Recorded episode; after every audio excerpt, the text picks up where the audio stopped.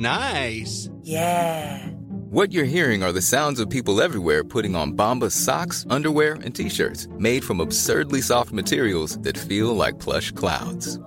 Yeah, that plush. And the best part? For every item you purchase, Bombas donates another to someone facing homelessness. Bombas. Big comfort for everyone. Go to bombas.com slash ACAST and use code ACAST for 20% off your first purchase. That's bombas.com slash ACAST. Code ACAST. Ready to start talking to your kids about financial literacy? Meet Greenlight, the debit card and money app that teaches kids and teens how to earn, save, spend wisely, and invest with your guardrails in place. Parents can send instant money transfers, automate allowance, and more. Plus, keep an eye on spending with real time notifications. Join more than 6 million parents and kids building healthy financial habits together on Greenlight. Get your first month free at greenlight.com slash ACAST. That's greenlight.com slash ACAST.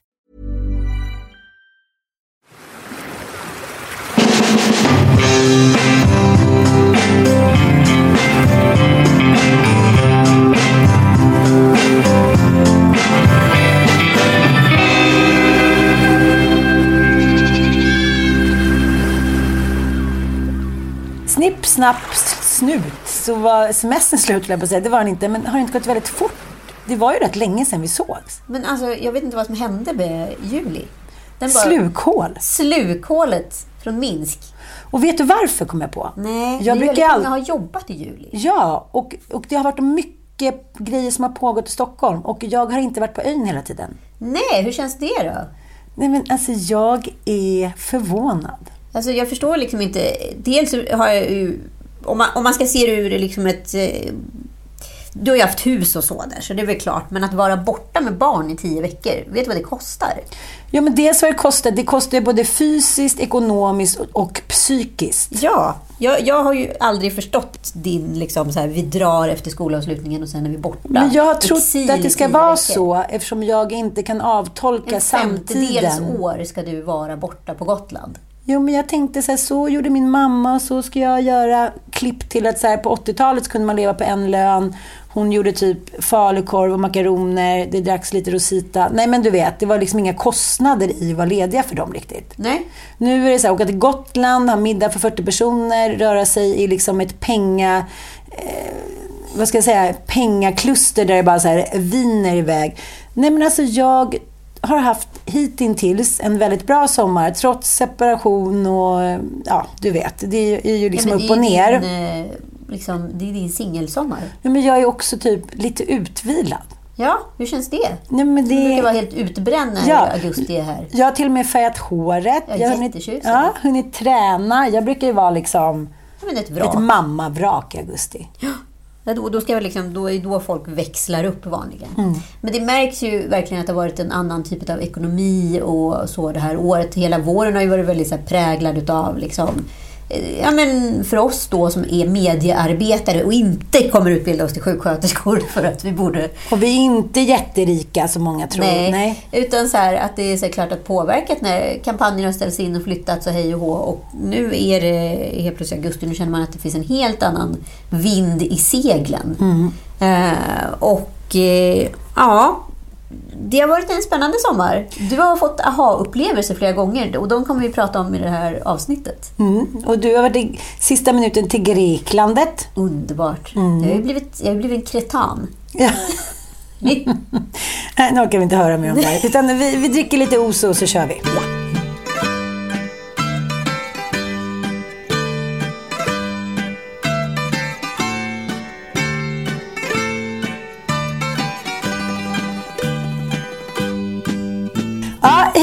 välkomna till Lillelördag. Vi ber om ursäkt att vi har varit borta från etern i hela tre veckor eh, för första gången på nio år. fått många irriterade Ja. DM från lyssnare som säger så här, när är ni tillbaka egentligen? Ja, det är inte så att jag inte tycker att ni ska få ledigt, men... Å andra sidan, när är ni tillbaka? Men man måste ju ändå se det som en kärleksförklaring. Ja, otrolig kärleksförklaring. Och eh, nu har den här tiden, som jag sa, varit som ett slukhål. Jag tror också när man gör olika saker under sommaren, att inte att man är periodiskt på en plats, så går ju tiden på gott och ont snabbare. Och det var någon som skrev till mig så här, shit, när man liksom blir äldre så bara somrarna går fort. Ja, gud. Ja, de är liksom, man kan inte räkna, det går ju inte, inte alls lika långsamt. Vet inte vad det är. När man var barn så var de så evinnerligt långa. Ja. Men vi hade ju inte heller sociala medier på den tiden. Nej, det är sant. Men även under tonårstiden tycker jag, och när, man, när barnen var riktigt små och man liksom... Eh, jag vet inte. Det, Fast jag, jag, började, jag och Joel var på Kreta förra året också, så hittade Ja. vi den Agios Nikolaus och bara blev helt förälskade i det. Så åkte vi tillbaka i år. Men just det här att stänga av telefonen ibland, läsa liksom långa artiklar, lyssna på bra poddar. Alltså, du vet, just det här, jag vet att jag aldrig har orken att sitta och sluka en hel bok. Det, det, jag har inte det längre. Liksom på samma sätt. Det får jag göra på julhelgen. Ish, liksom. Men just det här läsa så här Vanity Fair, långa jävla artiklar. Och liksom ikon och bara så gå in i saker, googla vidare, titta på dokumentärer, liksom, lyssna på dokumentärer. Fan vad härligt det är. mm, nej, jag, har inte kommit in i det eftersom det har varit flytt och barn och hit och dit. Men eh, det har varit. Ja. Och det är som du sa. Jag sa så här, men gud, helt plötsligt var jag Pastoria i lördags och alla mina kompisar var nyseparerade och det var som en chock typ. Och det, det är corona, jag vill hela tiden hävda corona. Men då sa ju du någonting som är intressant som vi faktiskt har pratat om innan. Att helt plötsligt när man separerar så visar det sig att även de som man kanske inte umgås med jämt i det här cykliska som du brukar prata om, att så här, nej det, det är inte bara corona, alla följer varandra lite. Ja, men det är ju skilsmässoår, det är bebisår och det är bröllopsår, så börjar skilsmässoåren igen. så ungefär var fjärde, år, det stämmer ju rätt bra liksom. Precis. I en liten cykel. Mm. Nej, men jag, jag tycker det är så intressant att se det utifrån nu. Å ena sidan så umgås jag med människor som fortfarande är kvar i sina relationer, har varit ihop från allt från eh, fem år till 25 år. Liksom. Och hur det går- också går i olika cykler. Att liksom par som jag känt att det där är så kört över har kommit vidare och så här, uppskattat varandra igen. Jag kan verkligen förstå så här, om man tänker att allting går i cykler och eh, liksom är ett par och har barn ihop, att man tycker att det är värt att rida ut det även fast man inte tror att det kommer gå. Och samtidigt som nu när jag har lite singelsommar så är jag så här, nej men jag är så glad att jag får vara med om det här en gång till. Ja. Fast jag vet inte hur länge det håller i. Det kanske är sån jävla krasch i september att jag är så här: nej, nej, gud vad har jag gjort? Men just nu är jag så här äh, angående att ligga och tänka tillbaka på sitt liv. Så tänkte jag så här, det här är en jättejobbig sommar och det är ganska nyligen allting har skett. Men jag njuter ändå väldigt mycket. Jag är väldigt nära barnen, jag är nära mina vänner. Jag kan slappna av, jag behöver inte bära någon annans liksom glädje eller önskan eller behov liksom. Nej, men nu får man ju verkligen hoppas att du så här... Liksom, för det finns ju otroligt mycket vinster för kvinnor som dig och mig med varannan vecka-livet. Just den här återhämtningen. Du som är så van att liksom alltid ha fem liksom, personer som är liksom i kroniskt kaos som du liksom inte hinner ge mer än fem minuter var. Liksom. Och sen ska du också hinna med att jobba och göra 2000 grejer. Nu kan du liksom återhämta dig varannan vecka. Vilket kommer ge dig så mycket energi. Ja, men jag Om du inte är tycker... ute och festar hela tiden, det säga. Låt en kvinna få leva Ja, det ska man göra på Nej, nu är det slutfestat. Eh, Ja, ja, det får vi se. Jag har ju lyssnat på massa sommarprat och vi måste väl prata lite om det. Och sen så måste vi prata om, du har ju haft en aha-upplevelse på en fotbollsmatch. Förutom att det var väldigt mycket snygga pappor och män. Ja, ja, nej, det, det, det var lite roligt. Det var så roligt för att det var en, en man där då som eh, frågade om... Ja, han satt, de satt framför oss. Det var så här, riktiga AIK-fans, så kan han ha varit. 45 kanske. Uh, vad vill ni ha för Vill ni ha någonting? Vill ni ha en öl? Nej, jag kör så här. Jaha, killar, Dante och Frasse och Bobba var med. Vad vill ni ha då? Och man ser så att de är skeptiska. De säger, det, är- det är bra tack. Vill ni inte ha läsk? Nej. Jag bara, nej, nej, de vill inte ha läsk. Jag bara, vill ni inte... Jag tyckte nästan att det var jobbigt med så tre killar sitter såhär med misstänksam min så här, Don't touch my mommy typ. Jag bara, ni är ändå bara sex, åtta så här, varva ner. Jag bara, ni vill ha baconchips? För det sa ju mamma att ni inte fick det. Så här. Du vet såhär, okej då. Ja, men jag bara kände så här historiens vingslag. Ja, ja, ja. Så här, s- singelkvinnor med massa barn. Ja, ja, men du vet. Ja, tack och det här. här. Kan ni få en liten peng här? Ska jag gå iväg med mamma en liten stund bara? Du vet, jag fick så här morrhårärtor, alla gamla så här. Nej, då fick den någon baconchips och sen sa Frasse så här när vi åkte hem. Mamma, vi fick de där baconchipsen för att han, den där killen var kär i dig. Alltså, ja, han var lite betuttad, så jag. Men det som slog... Ska du veta att din mamma fortfarande är hetobarkad? Så vi kommer klara Du oss. ser det lärande historia. Du kan ta med dig. Mamma kan hora oss hur bäst hon vill, så får ni mat. Välkomna! Nej, men jag återkommer till den där scenen. Jag, tänker, jag vet inte varför jag tänker så ofta på den. Vilken då? Nej, men jag tänker på den där scenen i Forrest Gump, att man... I slutändan så är det bara barnen som verkligen, verkligen betyder någonting ju. Ja. Ja, sen kan man hitta rätt i sin relation, men, men det är de man kan dö för. Det är de man liksom kan göra lite vad fan som helst för. Och det vet ju de nya männen som kommer in. Förstår du? Ja, ja, precis. Eh, Jag pratade med en tjej om det där i Båstad. Att hon sa när jag träffade min nya kille så var det liksom, då hade jag redan två barn. Och han var så här, jag kommer alltid få tre, spela tredje fiolen. Hur ska jag hantera det? Jag har själv inga barn. Ja, just det. Och att det kanske är svårt att komma över där om man inte är en stor person, så att säga.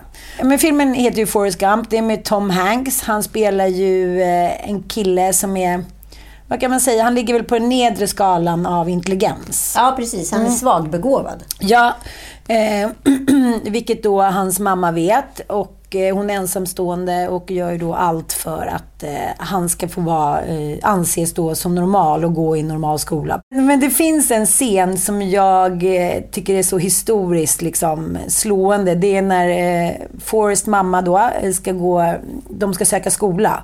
Och så kommer de in till rektorn, så här, ja, men, hornbågad 40, jag vad är, vad är det, 50-tal Ja. va?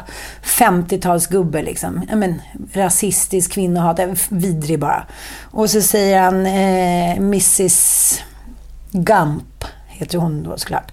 Eh, din son är för svagbegåvad för att gå här. Det fattas fem poäng för att han ska liksom överhuvudtaget kunna ta sig in på den här skolan.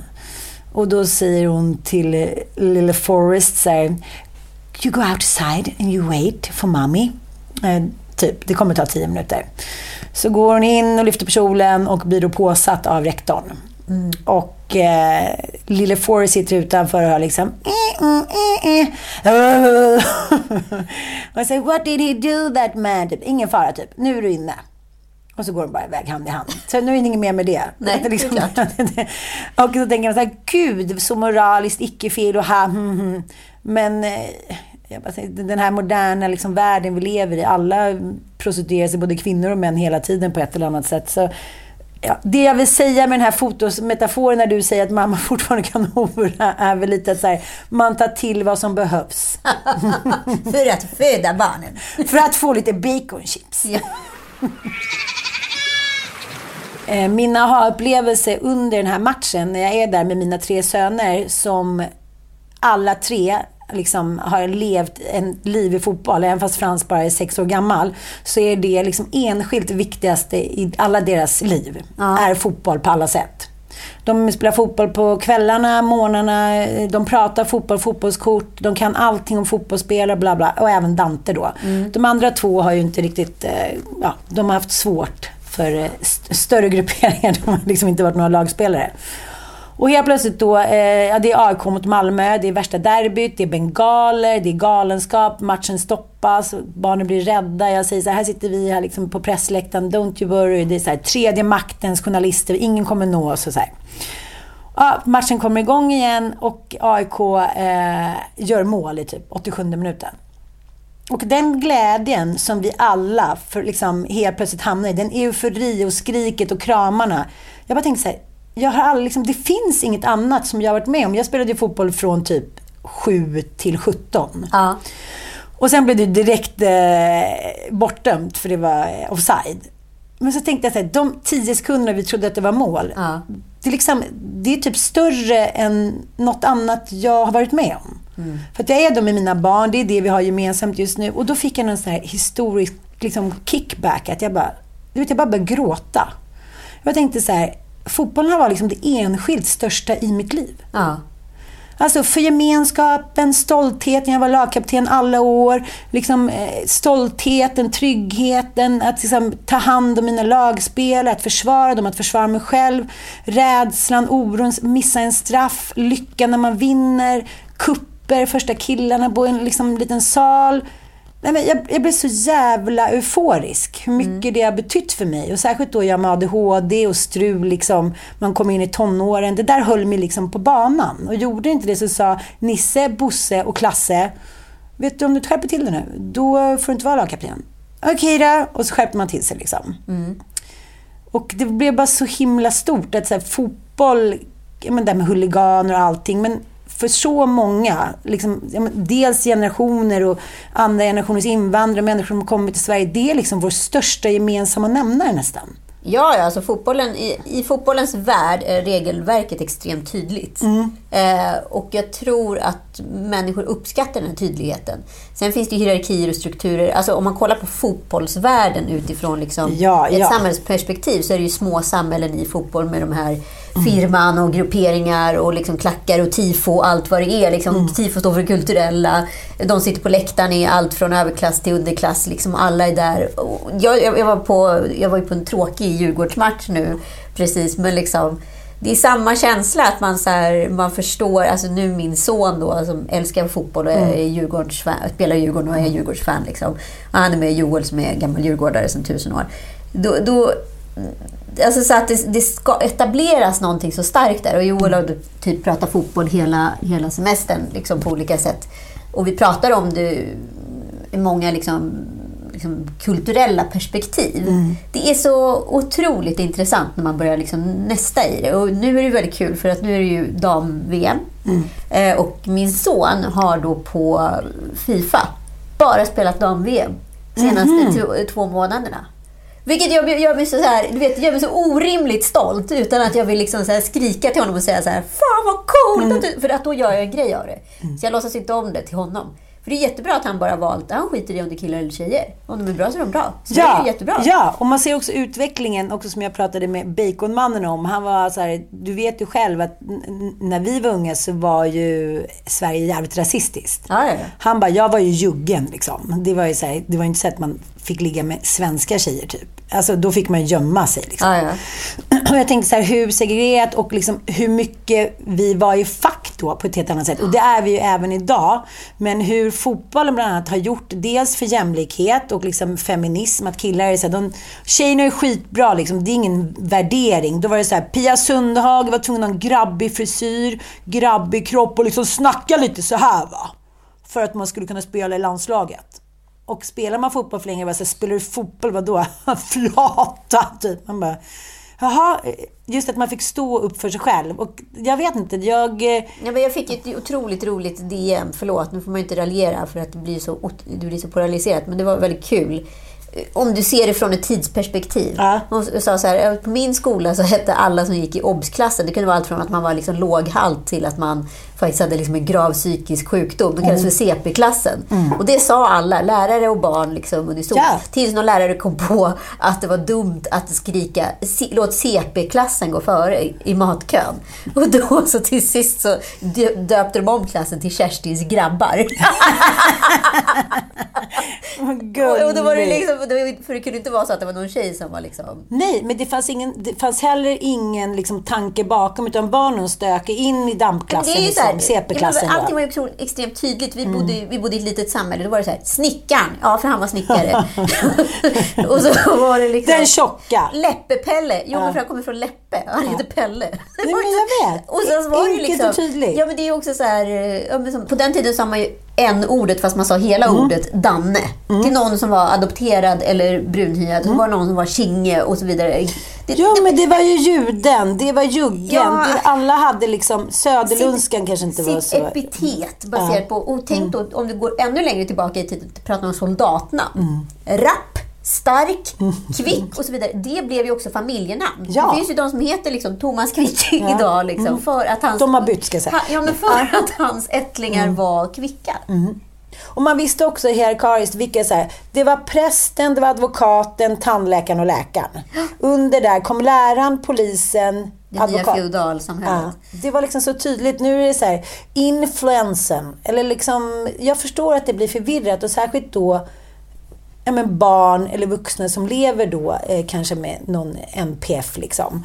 Att det var ett skönt samhälle och därför jag tror att det är lättare att växa upp såklart i ett litet samhälle Men det blir ju för tråkigt tycker många. Ja, men tillbaka till fotbollskulturen där egentligen man kan applicera tydligheten på samma sätt. Mm. Men det som är jävligt så fint idag är att den här, den här rasistiska undertonen som fanns i alla fall på 90-talet som jag minns. Ja, gud ja. Ja, men Martin Det Dahlin, Henke det- Larsson, det var väl inte så jävla kul liksom. Nej, Baconmannen sa ju det. Vi var ju extremt rasistiska. 100 procent. Ja. Det var ju hela samtiden. Sen kom Zlatan. Sen kom Zlatan. Och det är också så fint som Bobo säger. Eh, Bobo är den som är mest huligan. Folk står och garvar åt honom. Den där lille söte pojken är så här. Ut med domaren, jävla Malmö! Alltså, bung! Så här, jag och Dante var såhär, okej vad har hänt med lilla apan typ? Helt galen. Att, han, han sa så jag brukade vara lite rädd förut mamma. Men när, när jag är här så är jag inte det. Han står och dansar och han liksom, han känner sig fri i den där manliga gemenskapen. Och nu ska inte jag första, försvara det här och bengaler och hit och dit. Det är helt förkastligt och helt vidrigt. Vad fan är det? Patetiska småsnoppar. Men det som är att män får känna eufori och kärlek tillsammans och ingen dömer det eller säger så här, titta han dansar, titta han kramas.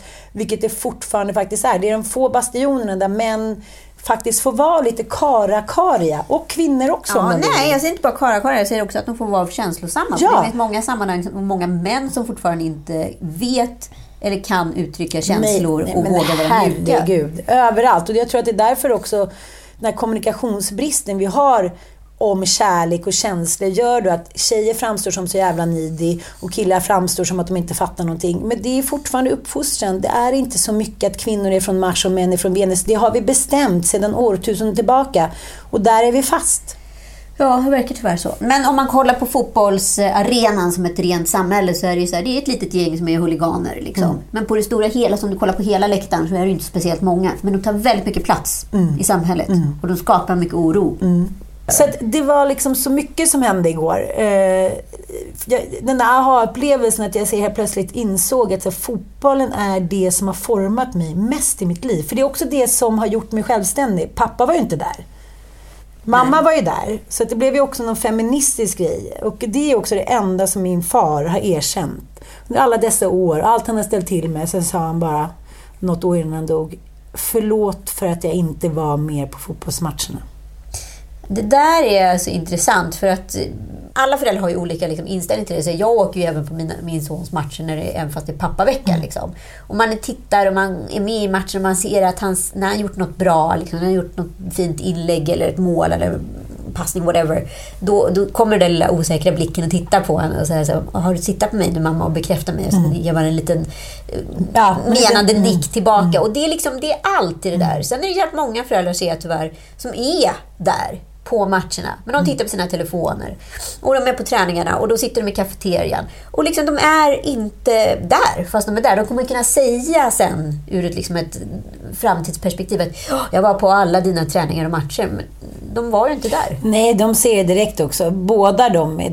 Han ska ju inte ens träna om inte jag står och tittar hela tiden. Han kommer ju fram. Lägg ner telefonen. Jag är så här, okej förlåt. Och Bobo är så här, du var ju där, du kom sent mamma. Du, jag är så här, okej.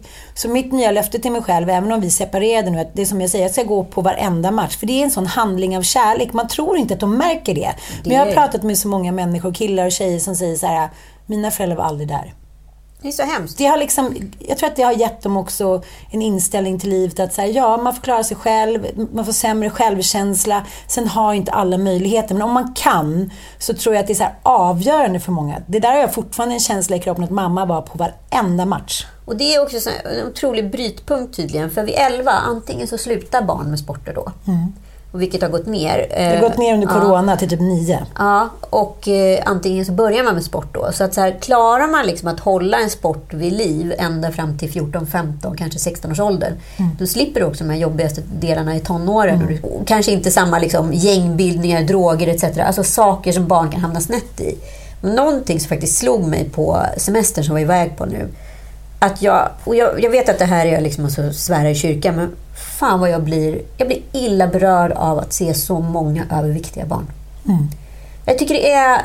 Jag förstår att det liksom är obesitas, att det kanske är liksom genetiskt. Men jag ser också hur föräldrarna liksom sockerföder de här barnen exakt hela tiden. Från liksom... En gång i timmen så är det något socker som erbjuds. Så jag, Fan, gå, spring och träna. Gå, gå med i ett jävla lag liksom. Fast vet du någonting som är jättesorgligt? Jag märker det även i, i väntan, till exempel på kupper.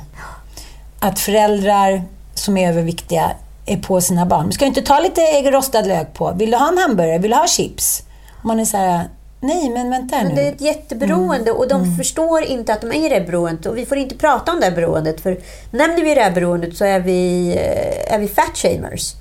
Och det, det är så jävla sjukt. Alltså hade det varit någon som hade varit alkoholist och erbjudit sitt barn alkohol. Jag vet. Det någon som hade rökt och erbjudit sitt barn cigaretter så hade vi ju liksom ringt SOS. Men, i det här fallet får man inte göra Man det. får, inte, man får prata om allt. Man får shamea föräldrar för allt, men inte fetma. För då är man, då är man kränkande. Och det, det blev ju väldigt tydligt i Camilla Läckbergs sommarprat. Att mycket får man kritisera eh, både kända och okända människor för, men inte deras viktuppgång. Nej. Nej, precis. Och eh, ja, jag, jag lyssnade på det där sommarpratet och jag reagerade faktiskt på att jag tycker hon är en vass kråka. Det måste jag ändå säga Ja, i vissa gud, sammanhang. ja. Och, men liksom det här sommarpratet var något annat. Och... Men här fick... Det här kändes som att det var lite påkommet i sista minuten, vet du det? Och vet du vad? Jag har lite info på det. Mhm. Det var det. Var det? Nej men gud, nu fick jag sån puls. Ja, nu fick. Kaninpulsen. Kaninpulsen. Hur mycket väger flodhästen nu? Vad tror du i kilogram? Jag tippar på 90 plus minst. Gråhårig med grav övervikt. Fy fan en sån fläskfia som rullar runt i sängen och tar upp plats för tre personer. Simon sover på soffan. Men du vet du vad? Det var faktiskt så här att de skulle göra ett helt annat sommarprat. Nej. Jo. Då, hur vet du det här? App, det här är ju app, app. stoppa pressen gånger hundra. Ja, det här är sensationellt. Stoppa pressen! Jo, det är nämligen så att hon skulle gjort ett sommarprat om Nej, Det hade hon jobbat på sen i ja, sen lång tid. det hade jag velat höra. Gud vad rafflande. Nu är vi lite taskiga när vi hände. håller på och pratar om det här. För nu vill ju alla veta vad det är, men... Det kan vi inte säga. Nej. Nej, någonting hände i alla fall och en, en liten tid innan sommarpratet så bestämdes det att det inte, sommarpratet inte skulle bli av och då kom det här temat upp. Hiu. Nej, för det var det som gjorde mig förvånad. Att, eh, att hon som ändå är... Det förklarar ju en hel del. Ja, men det förklarar otroligt mycket. Jag känner ju eh, ganska många personer som har skrivit eh, sommarprat och det kanske framstår som att man gör det på några veckor, men de flesta håller ju på ett halvår.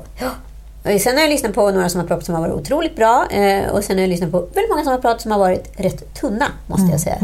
Eh, och... Eh, nej men jag, jag måste säga att jag är rätt besviken i, i snitt på årets liksom, upplaga av, av det här. Du tittar på en kvinna som har lyssnat på ett sommarprat. Ja, okej, okej. Mm, Ja. Camilla Läckbergs. Nej, men jag vet inte. Jag, sen är ju väldigt, alla väldigt olika och har olika referensområden på vad man tycker är kvalitet och inte. Eh, men jag, alltså så här, det finns ett gäng sommarprat som har varit väldigt tunna där ute. Jag kan känna lite efter senaste årens excesser i att berätta om sig själv och ändå inte berätta någonting. Så är jag mycket mer intresserad av de få som berättar om någonting helt annat. En helt annan historia. Som lär mig någonting, till exempel om Sverige, eller om prostitution, eller om branschen inifrån. Jag, jag är lite faktiskt... Jag har alla personhistorier här uppe i halsen känner jag.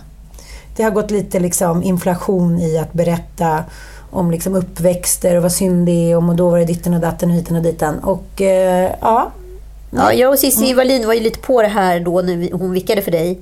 Att vi såg en risk att det skulle bli så här, men hoppades på att bli motbevisade. Eh, och eh, tyvärr måste man väl säga att vi kanske inte blivit det. nej. Det väl Lite tråkigt. Mm. Men vi har ju mycket annat att prata om. Det har vi alltid. Det har vi alltid. Now's the time to save 30% on wedding jewelry, only on BlueNile.com. Make sure your wedding ring is the one with your pick of diamond and lab grown diamond bands, all hand finished and graded for excellence. Or surprise her with something blue she'll love for life, like a stunning pair of sapphire earrings. Blue Nile's jewelry experts are available 24 7 to help, from fit questions to style advice. Right now, get up to 30% off at BlueNile.com. BlueNile.com. There's never been a faster or easier way to start your weight loss journey than with PlushCare.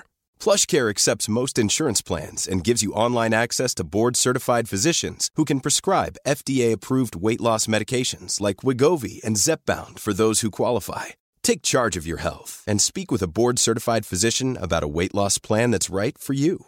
Get started today at plushcare.com slash weight loss. That's plushcare.com slash weight loss. plushcare.com slash weight loss.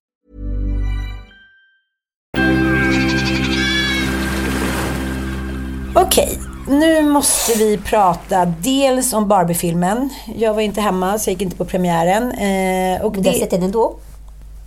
Nej, men jag har, jag, jag har läst om den. Nej, jag har inte sett den. Nej, inte jag heller. Nej. Jag såg ju själv Oppenheimer.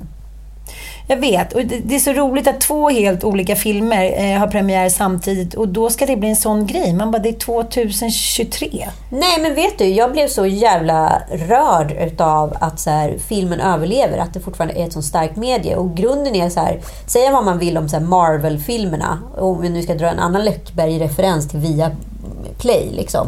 Alltså, Marvel är ju lite som Lyckoviken. Det, är så här, det, det drar folk till bion när man kollar på det, men det kanske inte är någonting som skapar liksom ett commitment till, till själva liksom, forumet. Det är inte så här, åh, jag måste se den nya Marvel-filmen, gud vad jag längtar. Alltså det är ju barnfamiljsgrejer. Liksom. Det, det, det är snabbmat i dubbel bemärkelse. Eh, precis som kanske Lyckoviken är, så här, det kanske inte är det bästa du sett i historien, men det, kan, det tuggar på. Liksom. Eh, men det skapar inget commitment. Och det, som har, det som har varit liksom, det tragiska med bio under väldigt många år, det är ju så att man har bara kunnat satsa på det för att det är det som har fått folk till salongerna. De starka, stora historierna har inte drivit människor tillbaka till bion. Och helt plötsligt kommer två storfilmer. Storfilmer som vi inte liksom sett på flera år, känns det som. Och, och folk går tillbaka till bion. Att vi så där liksom inte har svikit det. Den här amerikanska sommarpremiären eh, den är fortfarande så otroligt stark. Och Jag blev så, tyckte det var så coolt att två filmer med sån ytterliga, såna ytterligheter liksom, ändå så här, drog folk tillbaka till biosalongerna. Vi, jag var på Oppenheimer och det var alltså fullsatt på salongen. Jag var inte ens där på premiärdatum. Och hur var den då? Otroligt.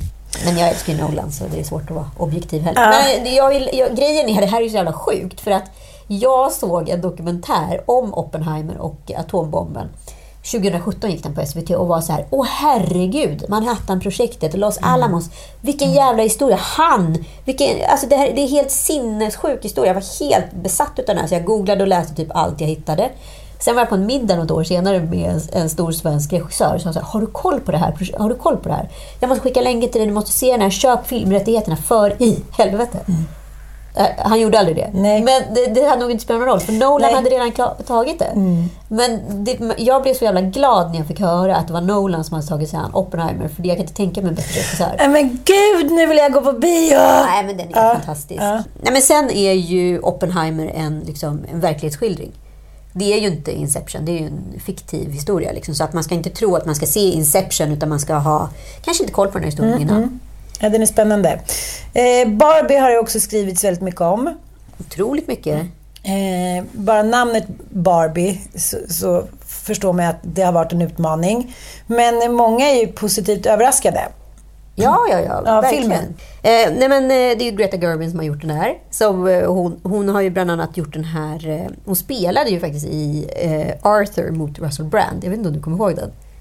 Menar du Arthur? Just det, Arthur! Ja, exakt. Okej, okej. Ja, den kommer jag ihåg. Ja, och sen gjorde hon ju Lady Bird och den fick hon ju Oscar för. Den Just är så jävla bra. Just ja. Och sen så har hon ju också regisserat den här Little Women, en klassiker. Ja, ja. Eh, och eh, det är ju hennes då så kallade feministiska tolkning av Barbie. Sen är väl lite, folk lite delade till om det är så feministiskt eller inte. Liksom. Men vi har inte sett filmen så vi kanske inte ska prata så himla mycket om den. Men det var någonting som eh, slog mig så himla mycket när jag läste en krönika. Dels så skickade ju vi eh, den till varandra.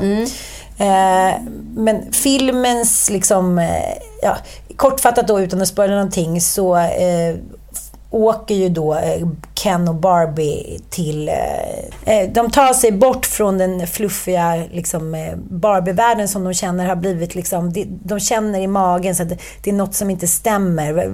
Liksom, vi är inte nöjda här. Vad är det som pågår utanför? Så de tar sig till Mal- Malibu och där blir... Det är alltid så verkligt. Det är alltid så superverkligt. Och Ken, han liksom... han börjar inse att så här, världen utanför, det finns något mer för han har börjat känna sig så grund. Liksom. Ska Han är bara- bara Ken, som Precis. han sjunger i låten. Ja. Ja, men det, det, det, är liksom, det är ju någon feministisk vandring där, att han liksom inser så här, jaha, det blir nästan tvärtom. Att han har varit då, eh, han har varit och fortsätter vara som någon liksom kuttersmycke till Barbie. Som inser när hon kommer ut i den här liksom, världen utanför Barbie att allting går ut på eh, att sexist, ett sexistiskt utseende. Hon blir liksom deprimerad. Och sen tar det en tik då. Men, men då är det väldigt intressant det där att det finns en ny generation män som inser så här, jag, varför ska jag ta upp kampen för? Jag kan bli någon som går sida vid sida. Precis. Eh, och det har jag tänkt på i så många relationer. Kenergy. Kenergy. Just den här, eh, vad ska jag säga, att det är så väldigt svårt även för jämlika män att inse så här, okej, nu ska jag se lite på vår familj. Det går skitbra för frugan, kanske inte riktigt lika bra för mig just nu. Vi har två små barn, det är mycket. Då kanske jag tar ett steg tillbaka. Och sen så får hon skina några år. Det är så väldigt få män som kan se helhetsbilden. De kan inte kliva ner. Nej. Vilket resulterar i att det blir en maktkamp som är helt ojämn. För att kvinnan får då låtsas om för att liksom eh, spela då som vi har sett, låtsas att man får orgasm. Ju mer, liksom, ju mer framgångsrik en kvinna är, ju fler, eh, mer fejkar hon orgasmen för en man som är under. Så, att, så här, då blir det liksom igen en lögn, en falsk värld, där mannen vet att han inte går sida vid sida eller är liksom, vad ska jag säga, lika briljant. Men man spelar det spelet. Så det blir ändå det där att man, ja men vad så, Lex Virtanen, att han är så här, han visste att han inte var så snygg och framgångsrik, men eftersom han hade de här unga tjejerna som tyckte att han var cool och skrev bra och fick träffa kändisar, så kunde han utnyttja det. Förstår du? Ja, det är väl blir- historiskt bland många män, eller rockstjärnor eller vad som helst. Jo, men så, om man fortsätter spela med det som kvinna, då kan man ju fortfarande ha en relation. Men om man slutar spela, då börjar maktkampen och sen går det ofta åt helvete. Ja, precis. Och nu var det intressant i den här artikeln, för det var ungefär 70 procent av alla kvinnor kommer sitta på vad är ekonomiskt välstånd i USA eh, redan år 2030. De flesta entreprenörer, eh, det är den Big Resignation, den har vi pratat om tidigare. Eh, och liksom, vi, det, I Singapore är redan det här ett faktum. Män ja, bor på landsbygden och har blivit bönder och har, är outbildade. Kvinnorna i städerna är tech och high-end. Liksom. Och nu måste de egentligen hitta donatorer för att så här kunna överleva. Liksom. Och den här världen är ju inte heller så bra som vi håller på att skapa. Eh, och den är extremt ojämställd. Men det som fortfarande gör mig så otroligt fascinerad för att kvinnor är, de är, har bättre högskolepoäng, de är snyggare, de är smartare, de är roligare, de lever längre och så vidare. Vi har mycket bättre sociala relationer också. Ja. Vi har mycket starkare band, så att vi blir heller inte sjuka när vi separerar. Vi, blir liksom, vi börjar inte kröka och röka och gå till horor, ursäkta uttrycket. Men det är så här, vi håller oss inom vår grupp. Vi stöttar varandra Ja. och det gör inte män. Nej men också tänker jag på det så mycket när jag ser så män ute på, ja men du vet så män plus, ja, men låt säga 70. Jag är, därför finns jag. Men de har liksom upphört. De är bara liksom ett sammelsur utav sig själv. De är i sin egen värld. De går med tänderna på tork och de kanske säg, petar sig i näsan helt öppet på stan. Och de, de, Luktar de lite luktar risigt. lite risigt och de pratar för sig själva och de håller på. Och man bara säger, men vem är du? Och så ser man liksom en, en man då som har en kvinna i sitt liv. Och att det helt plötsligt finns en spegling och hur lyckliga de är och oftast liksom i, i, i liksom god relation med den här kvinnan så lever en man. Det är det som man säger med sex här. Att om män förstår att det handlar om att ge kvinnor orgasm, då, då blir deras sex också bättre. Ja, Eh, så, istället för att fokusera på sin egen orgasm och liksom sitt eget liksom, leverans, vilket jag tror många män alltid gör. Och och sen var det klart. För det var var, det klart. det var väl så det var. men det som fortfarande är kvinnans ok i det här, är min analys, det är att vi... Jag upplever att extremt många tjejer har jättedålig självkänsla. Inklusive jag också ibland. Jag jobbar med den hela tiden. Men kan känna så här, "Åh, nu slaknar han. Då, kan, ja, då tycker han nog inte om mig. Istället för att det handlar om honom. Att man, så här, att man hela tiden tar skulden för mannens mående och situationer. "Åh, Nu är han deppig. Det är för att jag har... Alltså att man liksom hela tiden går tillbaka till sig själv. Jag vet. Eh, Men det som jag tänker är att man kan också komma ifrån det snabbare än vad man tror. Genom att peppa varandra. Jo, jag, jag tycker vi är, ganska, ja, vi är ganska bra på... Jag har en kompis nu som ringde mig och sa ja, men jag känner så här, då, nu skulle han dejta någon yngre tjej. Jag bara, skit i det. Du är minst lika snygg. Du är mycket härligare, mycket roligare bla bla. Hon bara, jaha, för mina andra kompisar sa direkt att alltså, jag fattar att det är kört. Det är lite som så här, vi vill ha kvar varandra i den dåliga självkänslan för att det blir liksom... För den kan vi jämföra oss i. Precis, och det märker jag ju nu de få gånger jag varit ute på krogen i, något hel, i någon helt De ny... få gånger. Stackars Hon har inte varit ute mycket i sina dagar. Men jag Nej. menar inte så, men vi pratade om det här innan att man, man har inte varit i det kontexten. Man kanske är en snabbis på Rish eller är med sina tjejkompisar, men nu har jag liksom varit ute på typ Har blivit en krogis. Nej men Stureplan, där det är så här fy- 400 pers samtidigt som står liksom i en bar och det är bara så här. Det är som en fotbollsarena. Det är Ja. olika samhällen i det också. Precis, och jag märker att både män och kvinnor stör sig på att jag har bra självkänsla och inte är så inne i spelet. Ja, det, det, liksom, det kommenteras av bägge kön. Jaha, hur, och hur gör du då? Då gör du så här lite med håret. Lite, mhm, och då bryr inte du men gud. Dels tror jag att det handlar mycket om att nu ska inte jag bilda familj längre. Nej, precis. Mm. Två, dels tror jag att mycket handlar om att jag har varit så himla familjeorienterad. Det var jag med Mattias också. Det var ju så här, vi blev ju gravida efter bara någon månad. Jag tror att undermedvetet var det så här, nu är det sista chansen, nu, nu måste jag bli gravid liksom. Dels för att, ja men osäkerhet såklart och så här, övergivenhet, bla bla. Men den här gången så är det ju klart. Ja. Det är ju hopsytt och det är liksom hitan och ditan och kroppen är tillbaka på det sättet den kan. Och ingen jävel ska flytta in hos mig. Nu är det jag och barnen. Eh, jag tar hellre liksom, eh, om jag nu skulle ligga eller ska ligga, då tar jag hellre en yngre kille som inte har vinballen, en äldre lönnig man som har det och som är trött. Alltså förstår du vad jag menar? Det är så självklart, varför inte? Det här skapar ju en väldigt märklig känsla hos snubbarna som är lite äldre. Som tycker då att man ska känna sig glad för att man blir vald. Just det.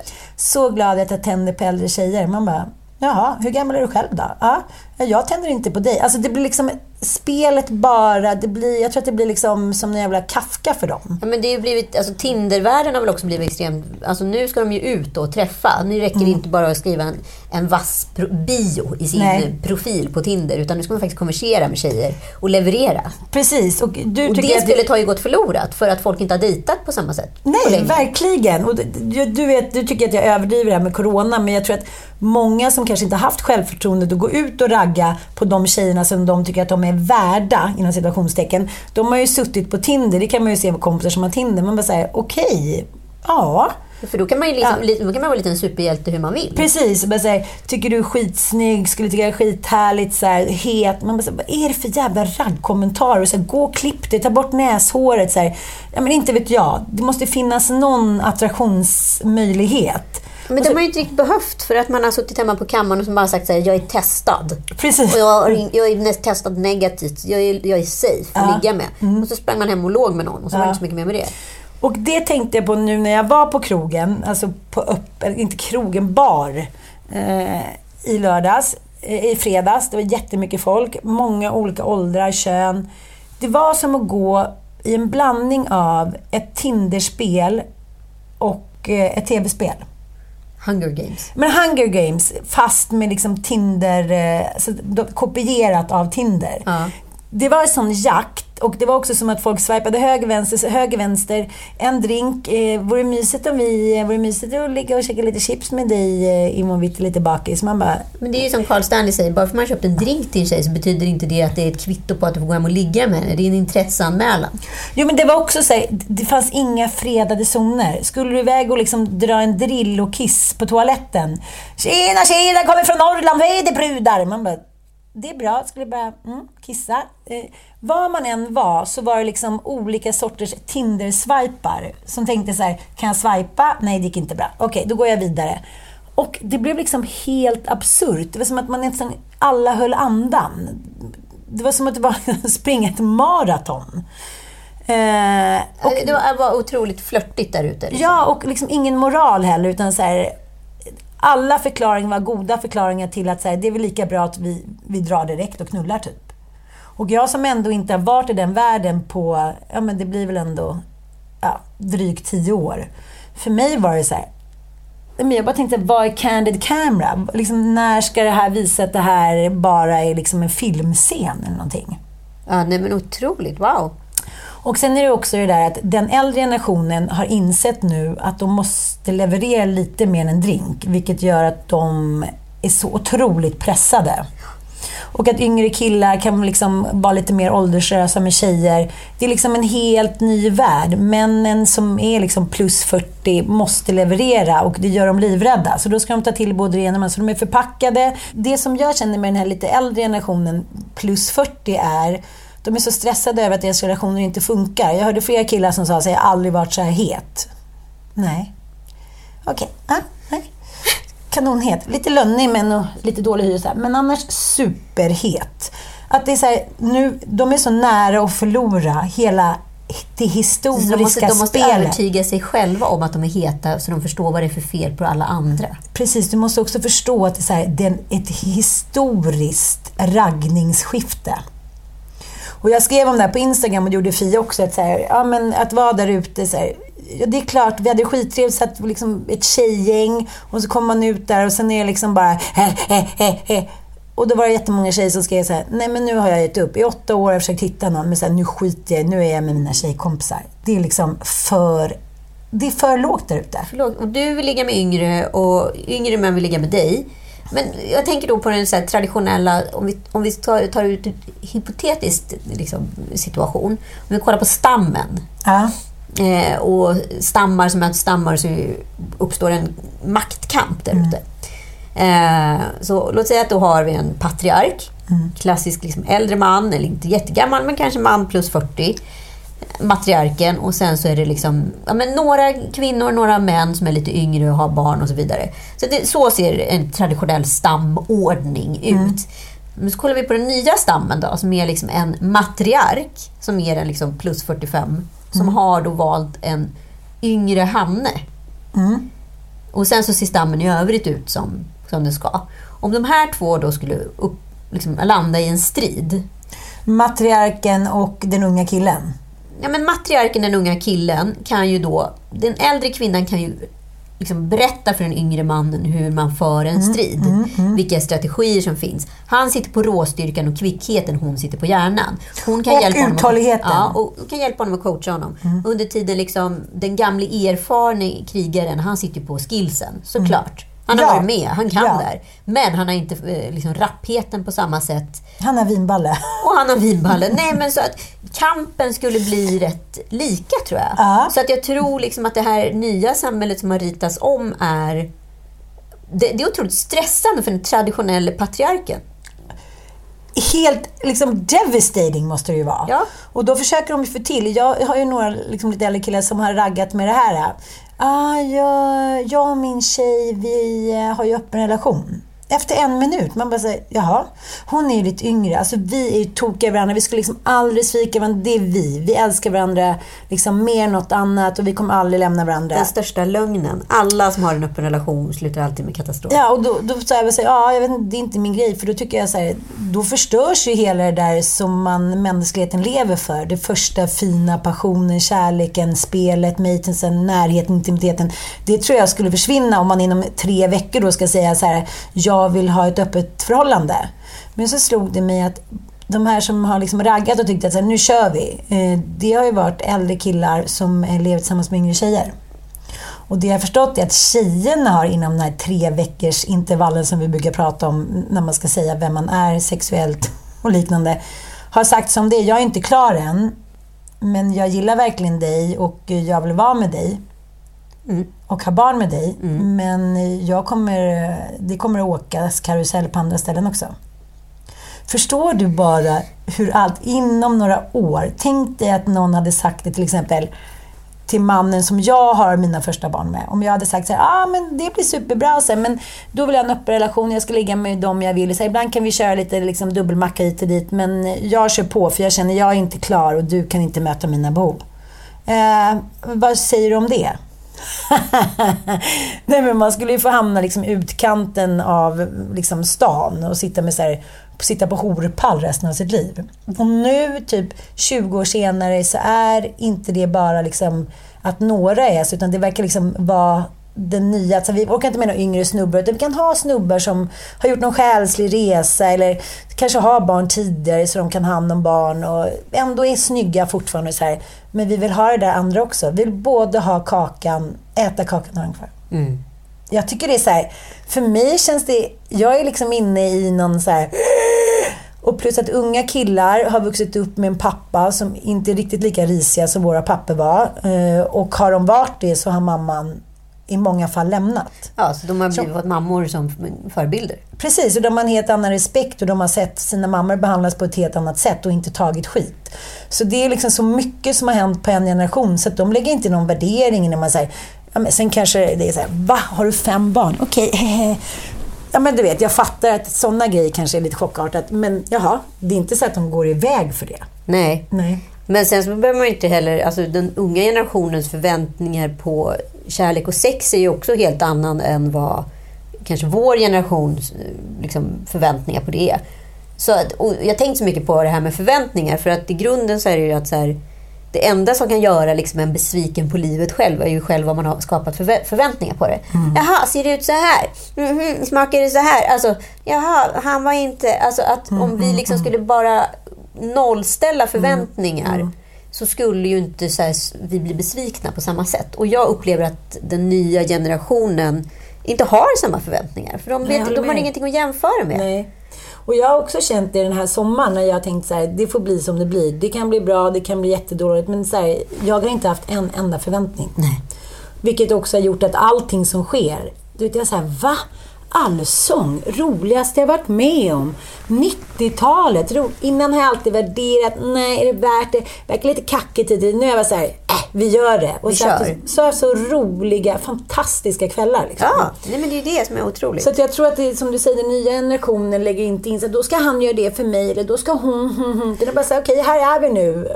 Ja, får se vad som händer. Ja, men så tänkte jag så mycket på... Jag såg så många par i, i Kreta, unga par, tjejer och så vidare, liksom, som bara så här står och posar och posar och posar och posar och posar och posar och posar och står och har någon jävla kamerarigg och liksom tar om, ställer om bilder och fotar och fotar och fotar och så det kommer upp en bild på Instagram och så ser de så lyckliga ut. Men så man bara så här, fast ni har ju helt förväxlat det här. Ni är inte lyckliga. Nej. Ni, ni tycker att ni är lyckade för att ni tar den perfekta bilden. Så ni har liksom bytt plats på lycklig och lyckad. Och det tror jag tyvärr att en äldre generation, mannen, också har gjort. De förstår inte att vara lycklig, det du per definition utstrålar och det folk som går fram och försöker få coaching utav dig är. Det, de, de har ju liksom tänkt att det är att vara lyckad. Jag fattar. Så att så här, lycklig och lyckad har liksom förvirrats ihop Ett- och bytt plats med varandra. Och eh, när man inte har liksom dechiffrerat det för sig själv, vad det är, och att det har uppstått en förvirring. Alltså att det är feltänkt. Fattar. Det var en tjej som kom fram till mig hon var såhär, ja du gör så där och så gör du lite så med håret. Och så, jag var såhär, va? Ja men så det är därför killar... Jag bara, va? Nej, nej. Jag, jag, jag säger så, det är klart att man kan vara lite flörtig men det finns liksom inget the game. Eller jag är bara såhär, ja gud vad kul, tack så jättemycket. Mm, mm. Då, människor tror att när man känner sig fri och, liksom in, och är oberoende, då är det ett spel. För att man är lyckad. Ja, men för då, då, är du, då är det lyckad strategi. Precis. Jag är inte lycklig, jag är lyckad. Ja, och den lyckade strategin kan då leda till lycka. Precis, men det är ju inte så. Jag tycker det är spännande det du säger. För att man kan tänka sig unga tjejer kanske har dålig självkänsla, det är början av och det är Instagram. hmm. Men vet du, kvinnor i vår ålder har inte fått bättre självkänsla. Nej. Mm. Och eh, då är de så här, ja, men jag kan inte skilja mig, jag kommer aldrig få någon och hiten och ditan. Jag bara, va? Nej, det handlar bara om inställning och energi. Det handlar aldrig om att den snyggaste, mest opererade, fixade, perfekta unga tjejen är de, den tjejen som männen står runt. Det är bara den som tycker det själv. Vare sig den är 20 eller 50. Det är energierna den utstrålar. Det är så här, jaha, eh, där, där finns det någonting. Där är någon magnetism. Där är någon som verkar må bra i livet.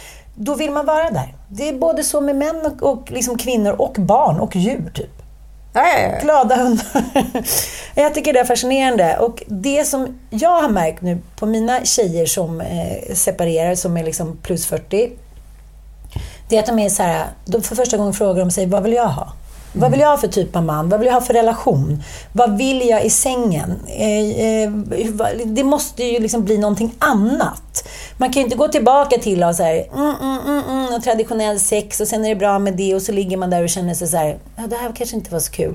Man vill ha någonting annat och man omformulerar det och frågar sig själv.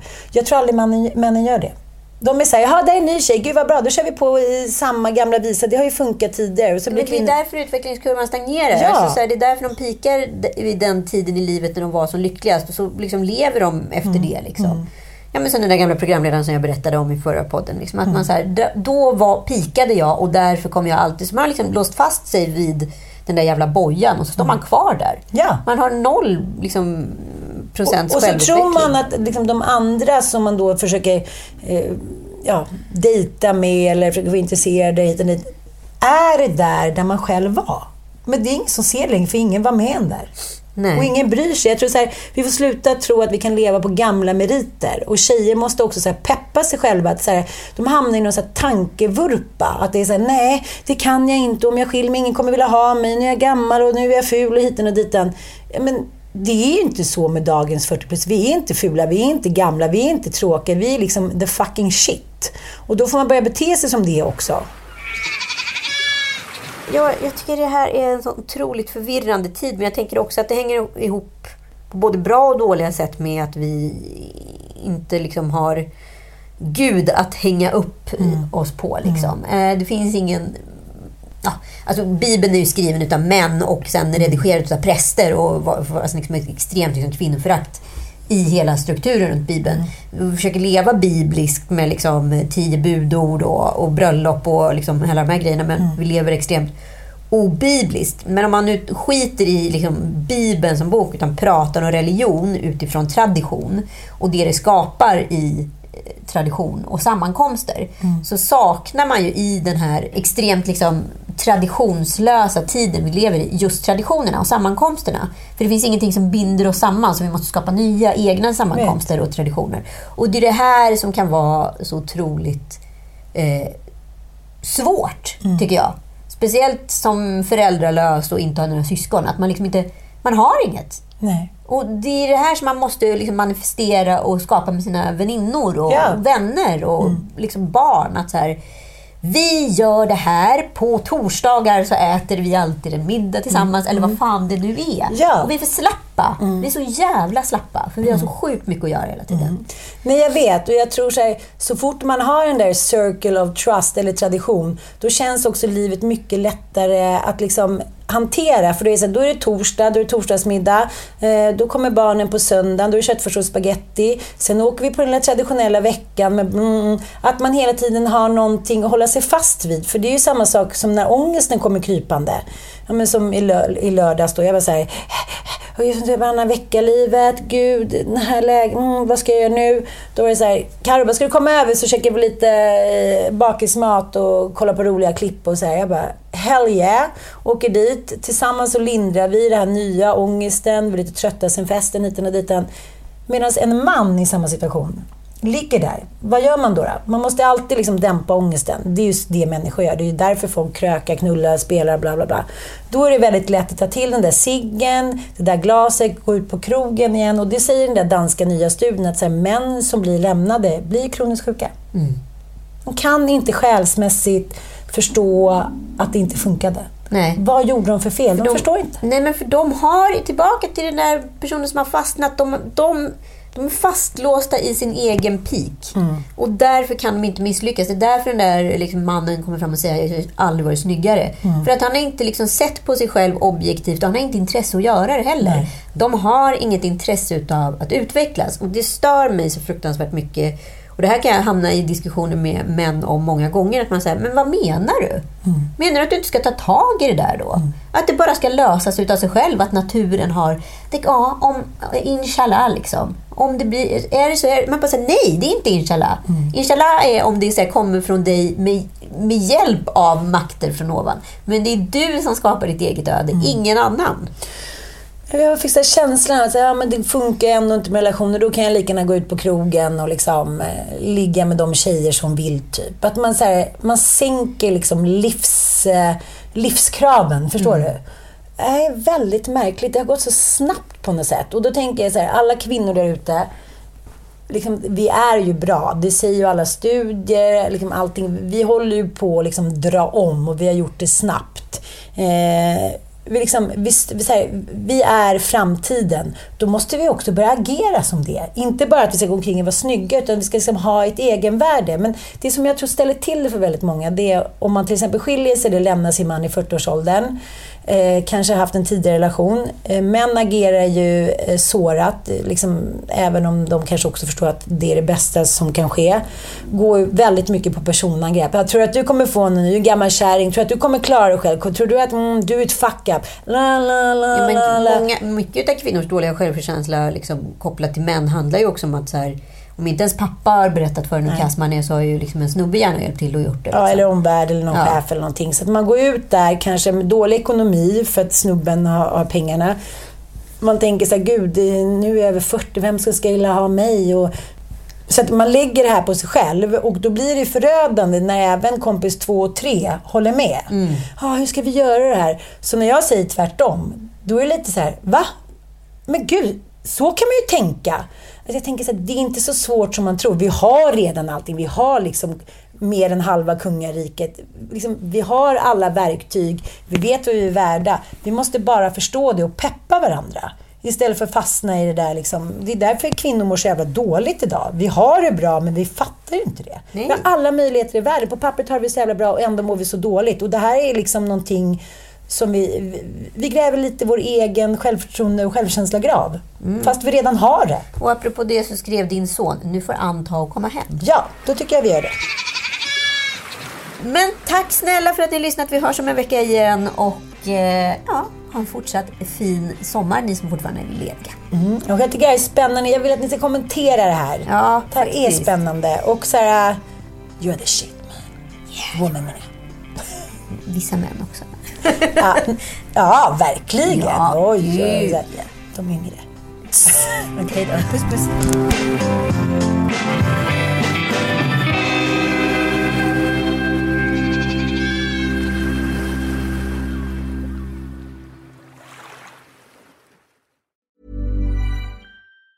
Roundabout Season 2, presented by Nissan, is live now, and we're back to share more stories from the road and the memories made along the way. We're talking rest stops, if we're stopping to get gas. You will be timed. Misguided plans. I grew up in the city, so I have like, you know, a healthy fear of real extreme darkness. a lot of laughs. Y'all weird, but you, yeah, you, you were different. And so much more. Listen and subscribe wherever you get your podcasts. Imagine the softest sheets you've ever felt. Now imagine them getting even softer over time. That's what you'll feel with Bowl and Branch's organic cotton sheets. In a recent customer survey, 96% replied that Bowl and Branch sheets get softer with every wash. Start getting your best night's sleep in these sheets that get softer and softer for years to come. Try their sheets with a 30-night guarantee. Plus, get 15% off your first order at bowlandbranch.com. Code BUTTERY. Exclusions apply. See site for details.